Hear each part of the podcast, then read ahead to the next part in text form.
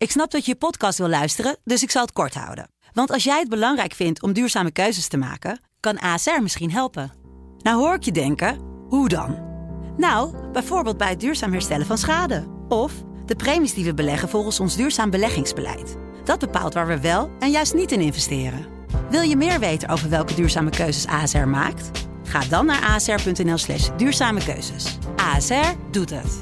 Zo, dan kan je nu lekker naar je podcast luisteren. Dit is Kwestie van Centen, een podcast van de Financiële Telegraaf. Met Martin Visser en Herman Stam. Ja, Martin, uh, hartelijk welkom. Uh, we zitten in bijzondere tijden, om het zo te zeggen. Er is een echte stakingsdrift in Nederland toegeslagen. het gaat bijna geen dag voorbij dat het Malieveld niet bezet wordt. we hebben net de leraren achter de rug en de verpleging krijgen we nog 20 november. Je hebt een groot verhaal gemaakt in de krant. Wij willen eens uitleggen waar nou al die onvrede vandaan ja. komt. Want het gaat eigenlijk best heel goed in Nederland. Maar heel veel mensen voelen dat niet zo. Uh, hoe komt dat? Laat ik daar eens gewoon mee beginnen in jouw ogen. Nou ja, dat is inderdaad een interessante spanning natuurlijk. Dat, dat, uh, terwijl de economische groei best wel hoog is. Nou, het zwakt nu een beetje af. We hebben een aantal heel goede jaren gehad. Uh, dat je tegelijkertijd ziet dat allerlei beroepsgroepen zich beginnen te roeren. overigens niet altijd om exact dezelfde kwestie. Dus in die zin was het ook wel even zoeken naar... is er nou een gemene deler of eigenlijk helemaal niet? Maar dat je een soort golf krijgt van acties is natuurlijk wel opvallend. Van de... de van de boeren, de bouwers, de leraren, verpleegkundigen. We hebben eerder al metaalstakingen gehad. Uh, er zijn veel CO's die moeilijk lopen. En um, nou, dat is eigenlijk precies de dubbelheid die in heel veel uh, sociologische onderzoeken van Sociaal Cultureel Planbureau steeds terugziet. Dat mensen gemiddeld genomen de Nederlanders eigen leven uh, een, een, hele dikke voldoende geeft. Internationaal onderzoek wijst ook steeds uit dat Nederlanders gemiddeld genomen heel gelukkig zijn. Maar tegelijkertijd wordt er vanuit dat bureau ook steeds op gewezen dat er ook een ook daar, daar zit een hele wereld onder. en dat kan een onderstroom zijn, bijvoorbeeld bij laag opgeleide die kwetsbaar zijn op de arbeidsmarkt. Maar het kan ook specifieke beroepsgroepen zijn. En dat zie je nu. naar de leraren roeren is natuurlijk al veel en veel langer.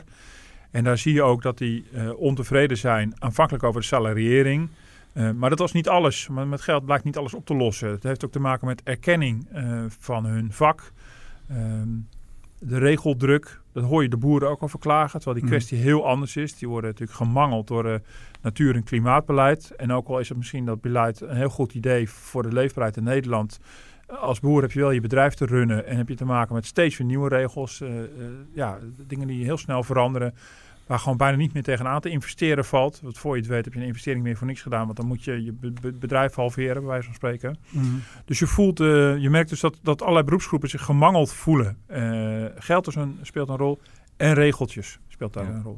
Je hebt allerlei uh, parallellen getrokken in je verhaal. Uh, onder andere richting de jaren 70, waarin ook uh, de vakbonden, dat, dat veel verzet was in de haven. Wat ja. eigenlijk in het begin niet zo gesteund werd door de vakbonden. Nu zie je ook die bewegingen van onderop komen. En je hebt een vergelijking ook getrokken met uh, Paars 2, om ja. het zo te zeggen. En de opkomst van Fortuyn. Toen ging het eigenlijk ook heel goed met Nederland. Was er ook veel onvrede onder de uh, bevolking. Gaan we zo allemaal even doornemen. Maar eerst even terug op dat onderwijs.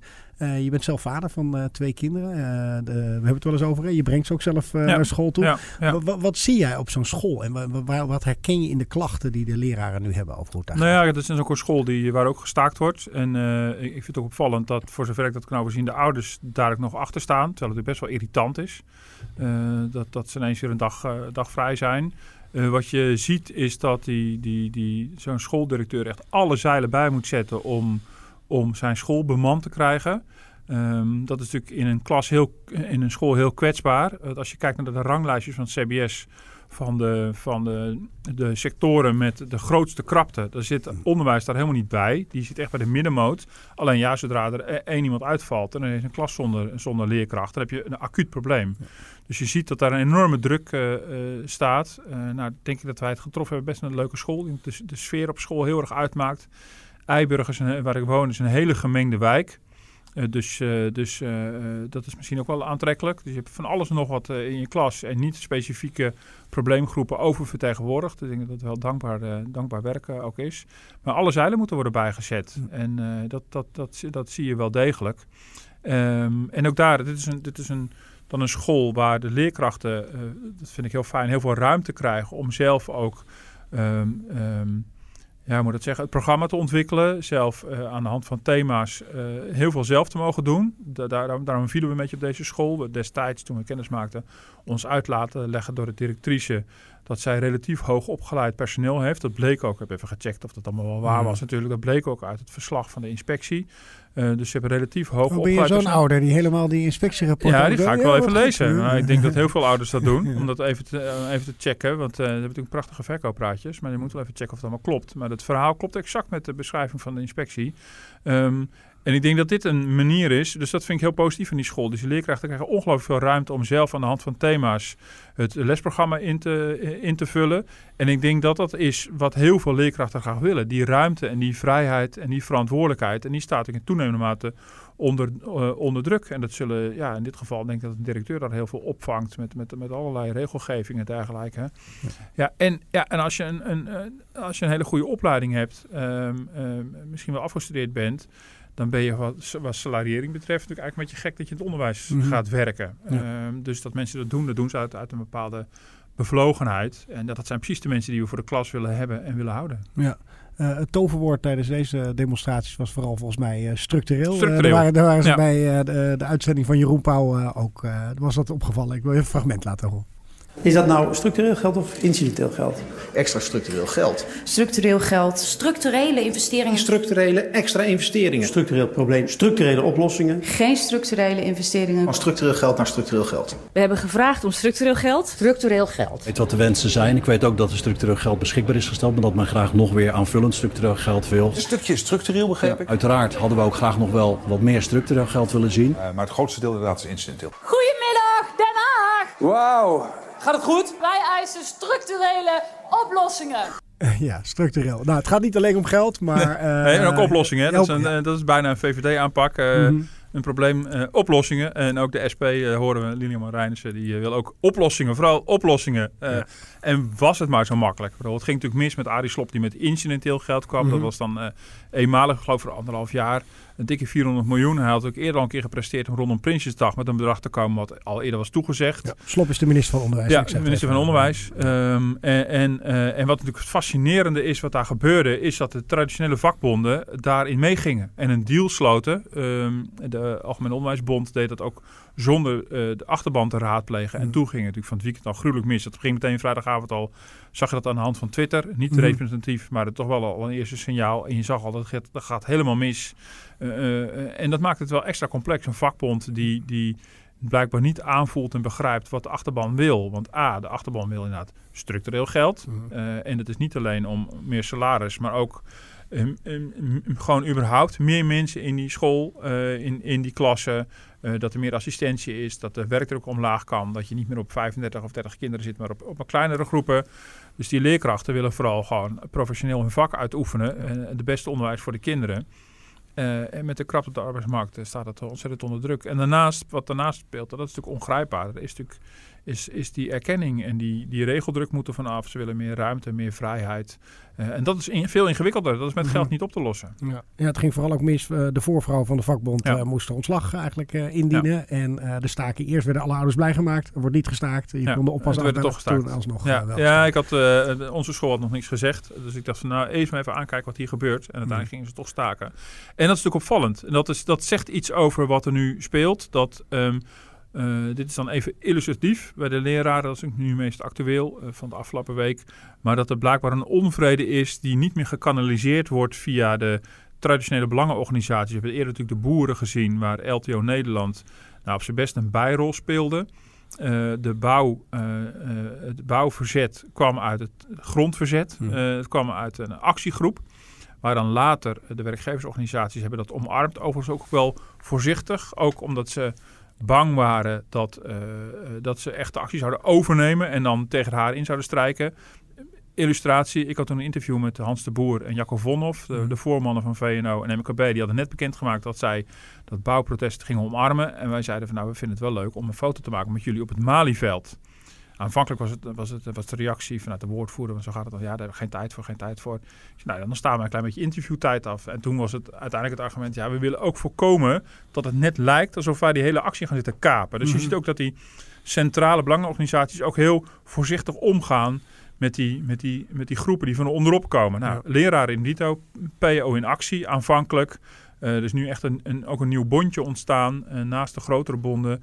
En die, en, en die vertegenwoordigen veel meer dat protest en dat verzet de verpleegkundigen hebben iets vergelijkbaars gezien. Maar, maar hoe kan het voelen zij, voelen die traditionele bonden niet genoeg aan? Weet je, je hebt het over geld, nee. dan leggen ze een looneis neer. Nou ja, goed, daar kan je er lang of kort over praten, dat is heel duidelijk. Ja. Maar hebben zij niet goed genoeg gevoel wat er nog meer moet gebeuren? Of? Nee, ja, blijkbaar niet. Uh, wat, wat je natuurlijk ziet is dat die, um, wat, dat die, dat die uh, traditionele belangenbehartigers, die zijn natuurlijk, die worden op een gegeven moment onderdeel van de Haagse elite, om het maar gewoon heel simpel te stellen. Mm -hmm. In ieder geval in de ogen van de mensen die ze vertegenwoordigen.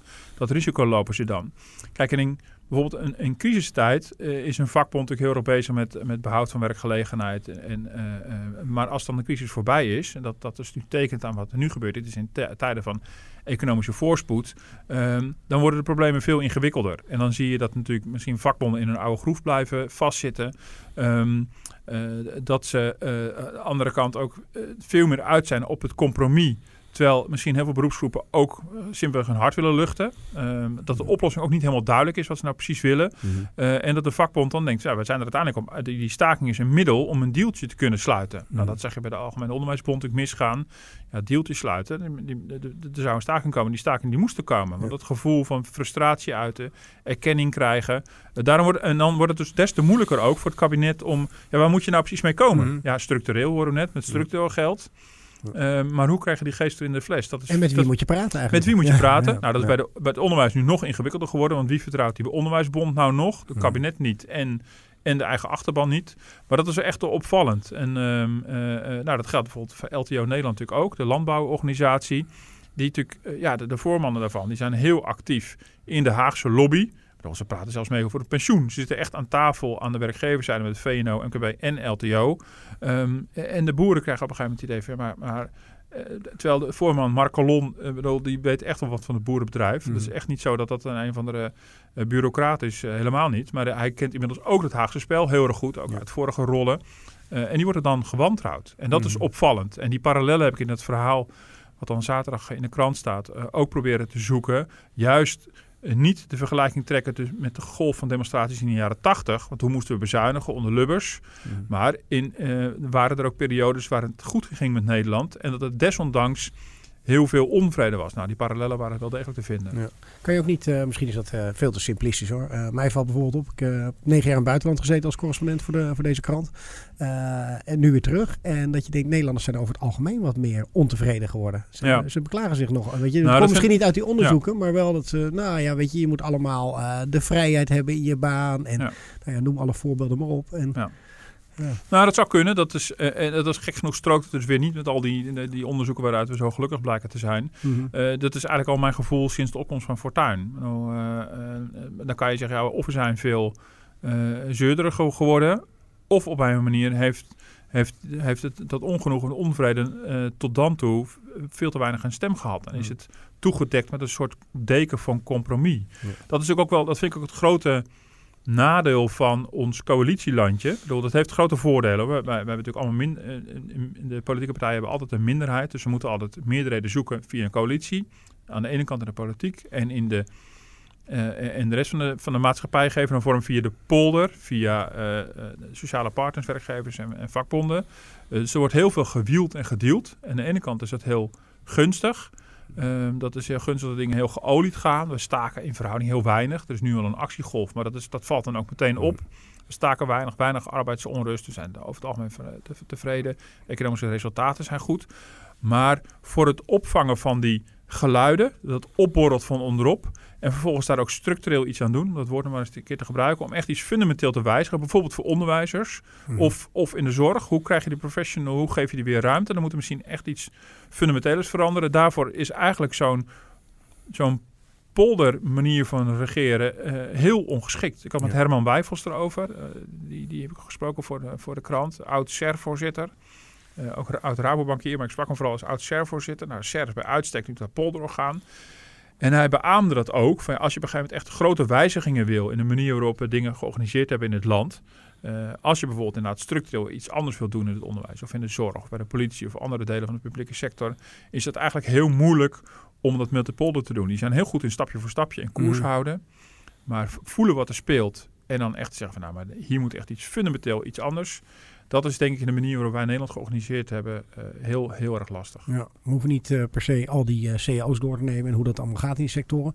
Maar mij valt dan bijvoorbeeld op, als je die leraar neemt, hoor je nu klachten van ja, als je zo'n pabo gaat doen, dan moet je als mannelijke leraar ja. ook beginnen bij de kleuters. Ja. En dat willen heel veel mannelijke leraren niet. Die willen gewoon echt doseren. Die willen de bovenbouw gaan doen, ja. Ja, en dat kan dan niet. En daar zijn ze blijkbaar al heel lang over aan bakkeleien, maar daar komt geen oplossing voor. Ja, ja nee, dat is opvallend. Hè? Bedoel, en dat, dat, dat de gemene deler is er ook van, van, van waarom mogen we niet gewoon datgene doen waar we goed in zijn waar onze talenten liggen. Maar hmm. nee, dan moeten ze ook allemaal door dat ene datzelfde programma heen. En blijkbaar is dat heel moeilijk om dat aangepast te krijgen. Dat is maar een heel klein voorbeeld eigenlijk. Ehm, maar dat is, wel, dat is natuurlijk wel heel tekenend. Uh, en zo spelen in, in heel veel beroepsgroepen, en met name de publieke sector, heel sterk het gevoel van waarom, waarom wordt alles zo voor ons geregeld? En dan zitten wij in een soort, soort, soort, worden wij in een soort mal geperst van wat ergens boven ons dan wel door, door managers, dan wel door vakbonden of wie dan ook voor ons wordt bedacht. Mhm. Terwijl wij zelf natuurlijk gewoon veel beter weten op, op, op dat kleinschalige niveau wat goed voor ons is. Ja. En in Nederland is dat, uh, ja, zijn we, we dat allemaal heel allemaal strak dicht geregeld. En dat, dat zorgt ook heel veel voor heel veel rust. Maar dat begint ook wel echt een soort, soort beklemming te worden. Misschien een soort gevangenis. Uh, nou goed, dat, dat, ik sprak er Ehm, eh, ook met Wijfels ging dat erover. Die zei ja, dat, dat, dat, dat, uh, hij zei van, ja, mensen zijn natuurlijk steeds beter opgeleid. Geëmancipeerde mensen. We willen mensen. we hebben het een poosje gehad over de participatiemaatschappij. Hij zei, dat was een soort soort verkapt, een, een, een, verkapt woord om bezuiniging te verkopen. Maar die kant gaat natuurlijk wel op. Mensen weten heel goed, heel veel professionals weten natuurlijk zelf het beste hoe ze een vak moeten uitoefenen. Maar op een manier wordt dat steeds meer in de kiem, kiem gesmoord, omdat we alles heel graag goed willen regelen. We willen ook dat het bij de ene school net zo gaat als bij de andere school. Dat is ook iets waar we met z'n allen aan meedoen. Hè? Incidenten trekken we ook niet. Uh, als bepaalde taken bij de ene gemeente zo zijn geregeld, bij de andere gemeente zo vinden dat het onrechtvaardig. Ze willen het liefst ook allemaal dat het allemaal goed geregeld is. Ja, dat, dat gaat niet meer op bij, uh, bij, bij goed opgeleide Nederlanders die gewoon hun vak willen uitoefenen. Dus daar, daar, zullen we echt, uh, daar moet echt een flinke verandering in komen. Ja. ja, en ik zat te denken, ook zeker als je dan het onderwijs als voorbeeld neemt, uh, heb je natuurlijk nog steeds meer druk waarschijnlijk ook van ouders die ook veel ja. eisender zijn geworden. ook waar hun kinderen, weet je, er mag niemand meer op de MAVO komen. Ze moeten allemaal minstens HAVO-VWO-advies krijgen.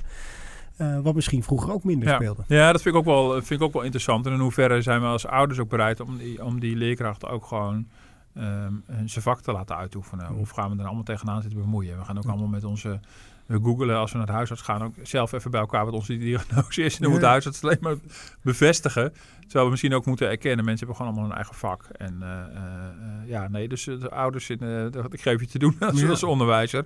Om al die ouders ook allemaal nog te, te, te, te woord te staan. zeker, dus dat speelt ook allemaal een rol. We zijn ook allemaal veel eisender richting elkaar geworden. En we verwachten ook dat ze, dat ze juist ons kind natuurlijk het allerbeste onderwijs geven, want dat moet het hoogste scoren. Ja.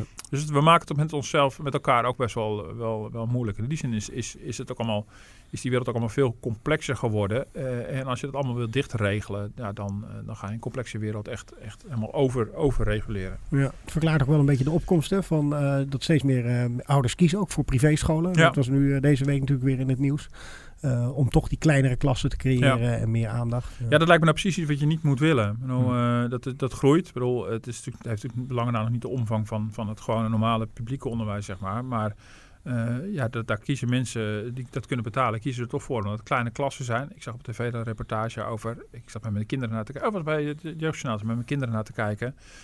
En we hadden wel wat gemengde gevoelens van hoe leuk het is om met zes kinderen in de klas te mm -hmm. zitten. Maar, uh, maar goed, dat, dat terzijde. Ja, terwijl ik het mooie vind, juist aan ons onderwijs, uh, dat ervaar ik dan ook dagelijks, is dat het gewoon heel gemeleerd is. Een mm. dwarsdoorsnede van de samenleving uh, komt daar samen. En als dat beheersbare klassen zijn qua omvang, is het natuurlijk het allermooist. Ja. Kunnen kinderen van elkaar leren en, en zich aan elkaar optrekken. En dat je daar een soort tweedeling zou gaan krijgen ja, het mag allemaal, maar het was, was toch van oorsprong niet de bedoeling. Uh, en zeker niet als particuliere scholen met betere salaris ook die schaarse leerkrachten nog weg weten te kapen. Dat is mm. natuurlijk niet wat je wil. Ja.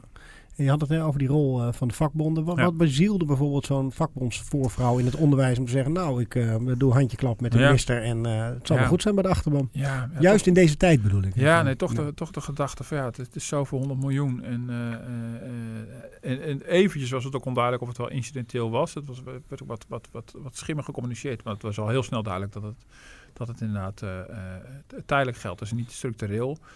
Ja, ja, wonderlijk. Ja, wonderlijk. Mhm. Dat, eh, echt, eh, zeker als je dan al een grote staking op handen hebt en je bent een bond die eigenlijk de actie heeft geadopteerd, die van onderop eh, ontstaan is. Ja, een totale, ja, eh, ja echt een miskleun. Gewoon een, mis, een totale misrekening. En, eh, zijn die bonden een beetje een soort kat in het nauw? Hè? Je krijgt natuurlijk steeds meer eh, cijfers dat, die, dat het ledenaantal ook Ja. daalt. Ja. Zijn ze over hun rol aan het twijfelen hoe ze dit moeten invullen? Nou ja, in sommige sectoren wel. En Mhm. in sommige sectoren zijn ze natuurlijk nog heel sterk. En weten ze dat, weten ze dat wel goed te mobiliseren. En in andere sectoren is het veel lastiger. We hebben hele succesvolle acties in de schoonmaak gehad. Dat is weer een paar jaar geleden. Ehm, eh, dus, dus dat kan ook. Ehm, maar soms is het blijkbaar wel heel moeilijk om aan te voelen wat, men, wat, de, wat de mensen precies willen. En dit is daar wel echt wel een voorbeeld van. Ja. En ze zijn natuurlijk ook lang niet in alle sectoren eh, even sterk. En ze spreken ook niet allemaal met één stem. Eh, dat maakt het ook wel weer lastig. Er komen verpleegkundige acties aan. Dat is echt weer een kla- klassiek CAO-conflict. Twi- 20 november. hè? Ja, 20 november. En ehm, eh, goed, dat is echt een CAO-kwestie. Dus weer iets anders. Dat is voor een vakbond misschien ook wat makkelijker en comfortabeler. Maar eerder was er heel veel ophef over die nieuwe registratie van de beroepen van verpleegkundigen. Waar, waar, eh, en en dat, dat kwam echt weer van onderop. Mhm. Ehm, dus het wordt voor, de wereld is voor vakbonden ook wel ingewikkelder geworden. eh, om, dat allemaal, eh, eh, om dat allemaal te blijven vertegenwoordigen. Maar ook dat is niet nieuw, want daar vonden we ook parallellen van in het verleden. Ja, precies. Nou, een heel Ja. mooi bruggetje wat Ja. je zelf maakt. Wat ik ook wilde maken, want het- is niet nieuw. Eh, je noemt in je verhaal ook hè, de, de havenstaking 1970, als ik het eh, goed heb. En we hebben er ook nog een eh, fragment. eh, dan kan je er straks iets meer over Ja. vertellen.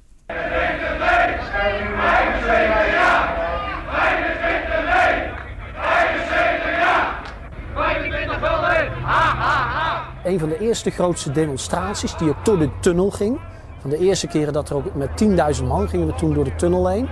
Gingen we naar het kantoor van de, eh, van de havenondernemers. De scheepvaartvereniging Zuid heette het toen de tijd nog. Die eisen zijn openbreken CAO, 75 gulden schoon per week erbij. Toen hebben die demonstratie geleid langs het kantoor van eh, de vervoersbond. En hebben een minuut stilte in acht genomen om de bond te begraven. Ja. TV Rijnmond, eh, volgens mij hadden Ja, dit eh, mooi, gevonden. Heel mooi. Knap gevonden ook dat dit nog eh, zo is. Want dan hoor je de quote, hè? dat ze eigenlijk de vakbond Ja. ook al te gaaf Ja. aan het dragen waren. Ja, het was, het was niet mijn idee. Sjaak van der Velde, dat is een vakbondshistoricus. Die weet alles van stakingen nu en in het verleden. En en die, die zei ook van dit doet me denken... er zijn overeenkomsten ook grote verschillen. Maar dat doet me denken aan, aan stakingen in de jaren 60 en 70. Ja, de grote havenstaking was in, in 1970. En was een wilde staking. Ontstond van onderop opnieuw. Nou, hier een fragment dat ze dan zogezegd de vervoersbond te graven dragen. Ehm, en het heeft enige parallellen, want toen ging het economisch heel goed, met name ook in de haven. Ehm, eh, en daar ontstond ook het gevoel, wij delen niet in die welvaart. Eh, er waren flinke fusiegolven van al die havenbedrijven. Ehm, er was ook vernieuwing en innovatie. De container kwam voorzichtig op. Ehm, eh, het werk stond onder druk. Er kwamen ook nieuwe vormen van arbeid. Koppelbazen eh, waren er. En mensen die voor koppelbazen werkten, waren eh, eh, minder goed opgeleid dan wel niet opgeleid. Maar verdienden gek genoeg netto meer. En dat, dat zorgde voor zoveel onvrede. En de vakbonden hadden totaal Nou, een niet in beetje de de, gaten. de ZZP'ers van deze tijd. Ja, nou ja, zeker. En die hielden netto meer over. Nou, je kon het denk ik misschien niet verstaan, maar wat die, wat die mensen riepen en scandeerden was 25 eh, eh, nee, 75 ja. Dat is wat ze riepen. Mhm. Want de vakbonden hadden toen een deal gesloten, echt een parallel met de AOB, voor eh 25 gulden per week bruto erbij. En nou, in die reportage, zoek hem op Google terug, is hartstikke leuk. Zegt een vakbondsman ook, blikt ook terug van ja, wij dachten van nou, dat is een mooie deal, 25 gulden Mhm. per, eh, per week bruto erbij. Eh, maar daar waren ze helemaal niet tevreden mee. En de eis was 75 gulden, schoon het handje. Een eh, een netto en dan was drie keer zo hoog. En die vakbondsman zegt nu nog van ja, ja, dat is lekker makkelijk roepen. Maar zij wilden gewoon dat, dat, dat verschil overbruggen met wat, wat mensen bij koppelbazen verdienden. En wat daar een rol speelde, dat vond ik ook fascinerend. Is door al die fusies van verschillende soorten havenbedrijven kwam de, de baas steeds meer op afstand te staan. Het gevoel van ja, de- wij kennen de baas en de baas kent ons, dat verdween. Het werden anonieme managers. Eh, mensen wilden ook dus, eh, de, de eis was uiteindelijk uitgedrukt in geld, maar wilden ook gewoon gekend en gehoord worden. En ze hadden het gevoel, mijn werk verandert heel snel. Mhm. De havenbedrijven die profiteren hier gigantisch van. En waar is mijn aandeel? Ik vond het een fascinerende parallel. En dan juist in zo'n tijd is het dan dus blijkbaar niet onlogisch dat het van onderop komt. En dat de vakbonden dat dan niet vangen. Omdat die zitten in hun stramine, die onderhandelen over cao's. Die doen, die doen dingen zoals ze gewend zijn te doen. En die zijn blijkbaar niet in staat om, om ineens een sentiment te vangen.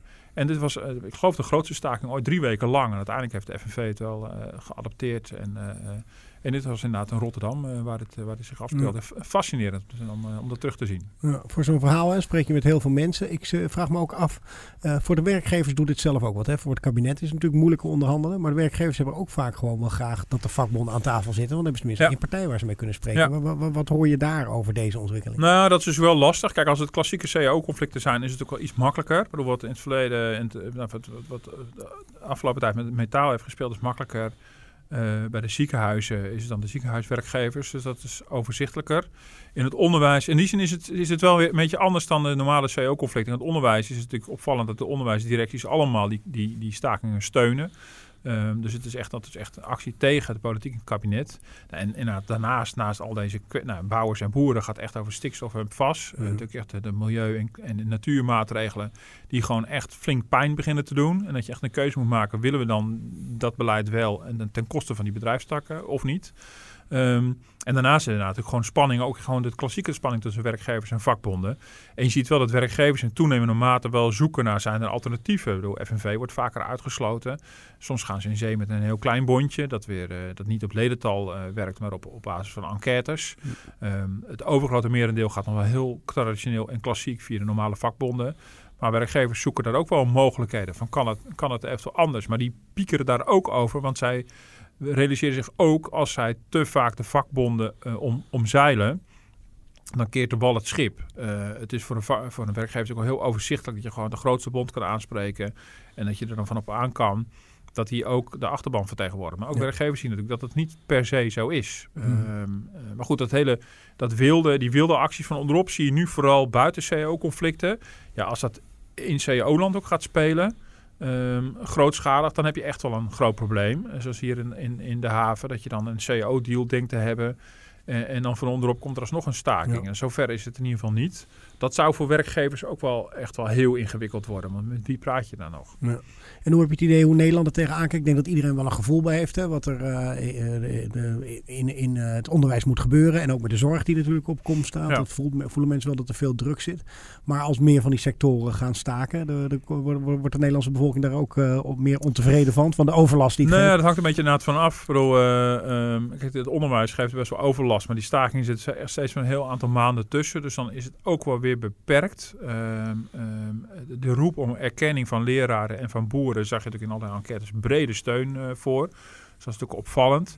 Uh, ik denk dat ook heel veel mensen zich ook wel realiseren. Van, ja, het kabinet heeft geld genoeg. Uh, de, de, de, de centenkwestie van de problematiek moet toch op te lossen zijn. Dus die steun is natuurlijk wel. In die zin is het natuurlijk echt wel anders dan bijvoorbeeld in de jaren tachtig. Waarbij op een de veld niet werd opgehaald. Mm-hmm. Uh, we hebben ook die schoonmaakacties dan nou, af, een paar jaar geleden gehad. Waarbij op een ook uh, de, de, troep in de trein niet werd opgeruimd. Um, uh, ja, dan wordt, het, dan wordt het echt vervelender. Of als er een treinenstaking zelf is, dat vinden mensen natuurlijk veel vervelender. Dit zijn tot nog toe wel acties die mensen wel begrijpen. En ik denk dat Hoewel het voor de zorg best wel wat uh, ja, voor de zorg? Want het wordt, ja, ja. Uh, de patiënten worden gewoon uh, die dag in ieder geval niet, ja. de, tenminste niet als het, als het niet acuut is. Ja, dus dat, bedoel, er wordt heel veel zondagdiensten ook gedraaid. Dat -hmm. betekent dus alle operaties even niet doorgaan. Als het jou treft is dat, natuurlijk, is dat echt heel vervelend. Mm -hmm. en, zeker een operatie is natuurlijk een ingrijpend iets waar je natuurlijk naartoe leeft, op voorbereidt. En als het dan toch niet doorgaat, dan is het echt heel heel naar. Je ziet dus ook dat dat, dat, dat in ziekenhuizen ook bijna nooit gebeurt. Uh, maar tegelijkertijd denk ik dat die, die roep om uh, ah, die erkenning wat ik zei, uh, het verminderen van regels, ruimte laten aan mensen om hun vak uit te oefenen um, en tegelijkertijd ook de roep om mee te delen in de economische welvaart, dat heel veel mensen dat herkennen. Mm. Bedoel, ik denk dat, dat, dat die kwestie van loon natuurlijk in heel veel sectoren speelt. Um, nou, zeker in de publieke en semi-publieke sector, waar natuurlijk echt wel uh, miljoenen mensen werken. Uh, dat, dat, uh, ja, daar is denk ik wel heel veel, heel veel begrip voor. En als die acties allemaal in, in, qua overlast binnen de perken blijven, dan zal er wel steun voor blijven bestaan. Ja. Ja. Nou lijkt er in al die jaren uh, ook weinig veranderd. Want uh, je noemt nog een ander voorbeeld. De, de, de tijd uh, Paars 2. Ja. En daarna de opkomst van ja. Pim Fortuyn. ik heb een uurtje geleden eens even wat fragmenten zitten zoeken van Fortuyn. Het is heel interessant wat hij daar ook allemaal over zegt. En ook hoe hij die... en dat bleek hyperactueel te zijn. Hyperactueel, ja. ja ook zeker eens een keer nog terugkijken. De discussies met Melkert en zo. Maar dit gaat, wat, wat we nu hebben gevonden, dit fragment gaat echt specifiek over die zorg en over het onderwijs en wat hij daarvan vindt. Ja.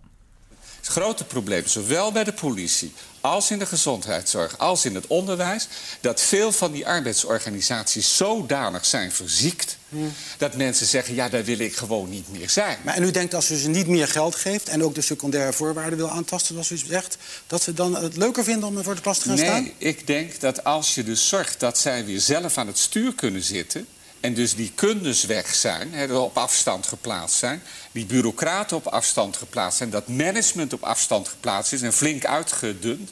En dan heb je ook weer meer geld beschikbaar om eventueel extra onderwijskrachten aan te of om iets aan de salariering te doen, want de gulden kan maar één keer uitgegeven worden. Maar als het dan weer leuk is, je hebt zelf het stuur in handen, je, je wordt niet meer behandeld als een soort imbuziel, want dat is wat er in feite gebeurt.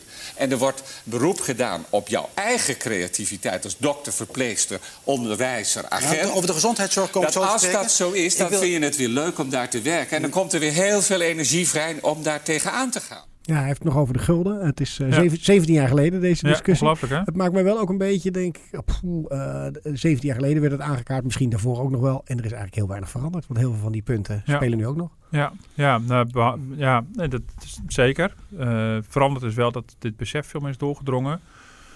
Um, ik vond het eerlijk gezegd ook verrassend hoor. Ik bedoel, dat dit er zo, in, dat dit er zo nadrukkelijk in zat. Ik bedoel, misschien in het collectieve geheugen vooral zit. Dus dat hij natuurlijk ook de, de, de multiculturele samenleving natuurlijk echt duidelijk aan de kaak heeft gesteld.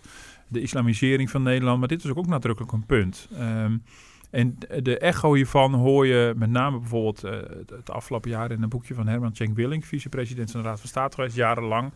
Uh, die dit nadrukkelijk zegt. Je hoort het bij Kim Putters van het Sociaal Cultureel Planbureau heel nadrukkelijk terug. Ik merkte het in gesprek met Herman Wijfels. Dus misschien heeft het heel veel tijd nodig voor het ook gewoon in de meer gevestigde orde ook gewoon echt zijn weerklank vindt. Al zegt Cenk Willing dit al heel erg lang. Mm. En wat, wat zij ook allemaal en in het fragment ook als echt een gemene deler aanwijzen in heel veel delen van de publieke sector. Bij politieagenten, bij onderwijzers, in de zorg, bij rechters.